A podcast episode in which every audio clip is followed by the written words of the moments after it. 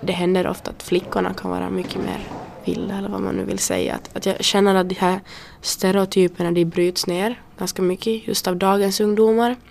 För att många ungdomar idag är medvetna om det här och många ungdomar uppmuntras till att vara precis hur de själv vill och inte enligt stereotyperna för sina kön. Mm. Och man märker också att många lärare uppmuntrar det här men många lever också enligt gamla stereotyper. Men just det här ser man nog att det bryts ner. Det säger Ellen Boss som går på nionde klassen i Borgargatans skola och som är ordförande för elevkåren. I skolan arbetar man aktivt för att skapa jämlikhet. Bland annat har skolan en rykande färsk jämlikhets och jämställdhetsplan. Minna Enroth, som är lärare i modersmål och litteratur, har varit med och utarbetat planen. Det viktigaste är ju att det ska vara då jämlikt och jämställt oavsett, oavsett kön, religion, språk eller kulturell bakgrund till exempel. Det är förstås eh, mellan lärare, mellan personal och så förstås mellan lärare och elever. Så all kommunikation ska vara så jämlik och jämställd som det bara går. Och all undervisning förstås. Vad säger ni då som är elever här? Eh, ni är då inte bekanta med den här planen eh, från tidigare, men hur uppfattar ni det här med jämställdhet och jämlikhet här i skolan när man tänker mellan lärare, elever och mellan flickor och pojkar med tanke på att det då är internationella flickdagen idag? Jag tycker det fungerar jättebra i den här skolan. Att jag, jag har nog aldrig uh, under de här tre åren liksom upplevt att det skulle ha varit någon skillnad mellan könen eller mellan just elever och lärare. Jag tyckte det har funkat jättebra här. Jättebra med den här regeln att det just förtydligas ännu mer och, och att det verkligen uppmärksammas. Jag tycker att det funkar jättebra. Jag tycker samma sak att som, jag har aldrig känt mig sådär typ att jag är typ sämre än någon annan eller som bättre som, bara på grund av kön eller något sånt här. Mm. Det är som jättejämställt tycker jag här i skolan i alla fall. Men hur är det då, man firar ju den internationella flickdagen här mm. i Finland. Är det då viktigt i alla fall att man firar det i en finlandssvensk skola med tanke på att situationen här är annorlunda än på många platser i, i världen där flickorna inte har så trygg situation. Vad tycker ni? Absolut. Det, det ger ju oss liksom vetskapen om hur bra vi har det egentligen. Och just att många här i Finland tror jag att tar för givet just med jämställdhet och feminism och allting att det, det kommer bara liksom för det, det är så bra här än. Men just att när man har en internationell kvinnodag så uppmärksammar man just för alla att det är inte lika bra överallt och det här är ännu ett, ett problem och någonting man måste fortsätta att jobba på. Så säger Ellen Boss. Men vi ska komma ihåg att alla inte har det så bra som flickorna i Finland, påpekar Elsa Sundholm. Jag tycker det är bra att som vi kommer ihåg, alltså att vi har sådana här dagar, så vi vet som människor att, ja, att alla kanske inte har det så bra, att vi ska vara typ tacksamma över det.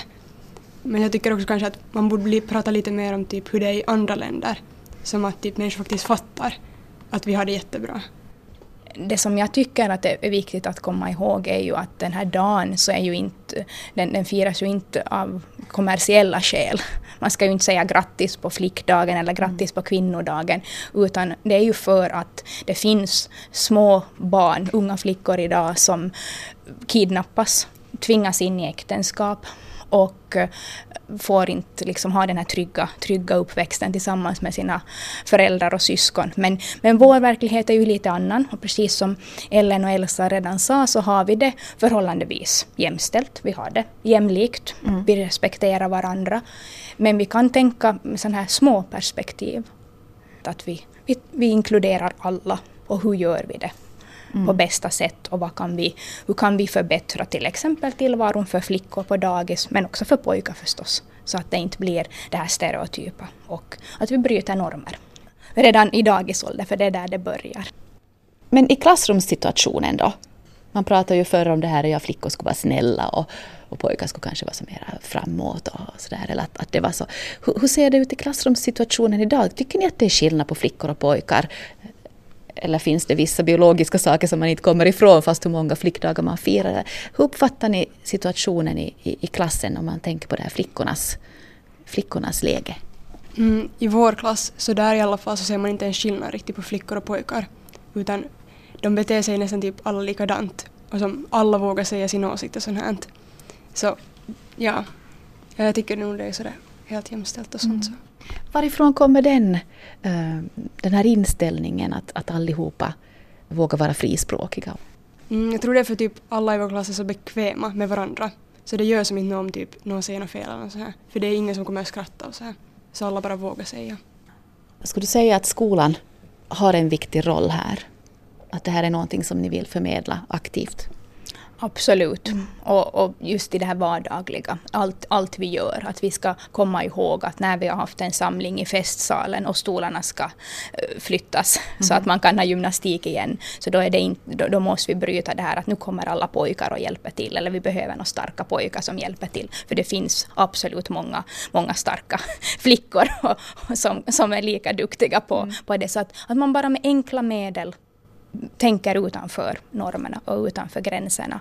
Och så tror jag också som, som Ellen, Ellen var inne här på också, det här med, med duktighet. För det är ju oftast flickor som får höra att, att de är duktiga och det blir ju sen oftast en fälla för många.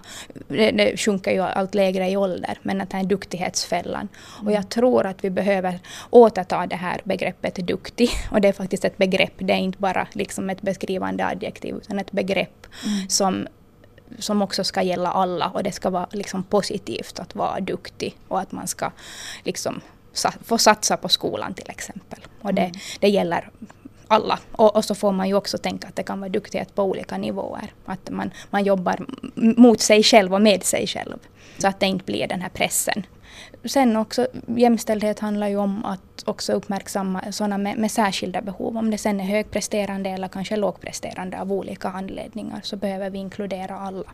Och det kan jag tycka att vi behöver jobba mer med, de här högpresterande. Absolut, mm. mm. Jag ser att, att många lärare har som en, hur ska man säga, förväntningar på många flickor som ska vara högpresterande och ska få bra. Men det finns också, liksom, hur ska man säga, många högpresterande har ganska hög press på sig just för att de förväntas. Väldigt sällan får man höra till exempel att pojkar uppmärksammas för att de har varit jätteduktiga i något prov eller liknande. Att, att det här kanske också är en stereotyp som man absolut måste arbeta på för den tycker jag ändå att är ganska, ganska tydlig att den finns där. Och det gäller ju både flickor och pojkar att också, också flickor kan bli liksom sådär att de får mer uppmärksamhet än många andra som kanske är högpresterande men också behöver hjälp.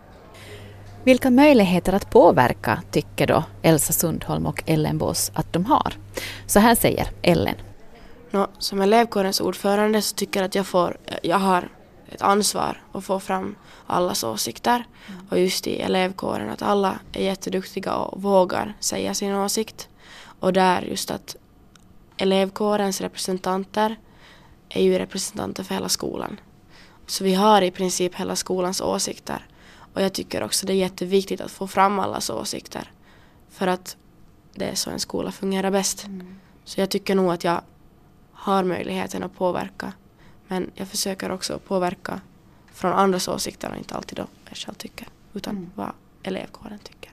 Mm, vi har ju just elevkåren för den orsaken att alla ska få bli hörda. Och, så här. och fast som inte jag är vår klassrepresentant i elevkåren så jag kan ändå alltid gå och säga till dem om det är någonting jag vill förändra på och sen så förmedlar de det vidare. Och då får man, man blir alltid hörd på det sättet. I vilka ärenden har du tagit kontakt? No, vi, de har frågat just i klassen som till exempel vad ska vi sälja i kiosken? Och då fick alla berätta vad de ville ha. Att mm. det var inte bara någon som bestämde. Och som sådana här olika saker, hurdana temadagar vi ska ha och sånt. Så man kan alltid gå och säga till dem. Vad har ni kvar att jobba med nu då? En sån här dag, internationella flickdagen. Vad, vad borde man prata om eller vad, vad tänker ni prata om idag? Vi försöker ju förstås jobba med det varje, mm. varje dag. Så, men, men om vi tänker just idag så det som både Ellen och Elsa var inne på att vi ska bli, bli ännu, ännu duktigare på att, på att inkludera och på att tänka på allas, allas och, och förstås alla flickor, pojkar, högpresterande och lågpresterande så att alla hittar motivation och, och sen också som Ellen och Elsa var inne på att kanske informera om hur är det hur jobbar de? Liksom både, vad, finns, vad har kvinnor för rättigheter? Vad har flickor för rättigheter? Alla får ju inte ens gå i skola. Bara en sån sak. Mm. Och här har vi en annan vardag och vi jobbar, jobbar liksom på en annan nivå. Men att, att upplysa och att fundera på och, och känna den här tacksamheten också emellanåt. Att inte man, man bara är den här bortskämda. Och, och där är ju litteraturen viktig som kommer in automatiskt i, i modersmålsundervisningen. Så vi brukar, vi brukar alltid uppmuntra att läsa liksom också om olika typer av, av förtryck eller utanförskap.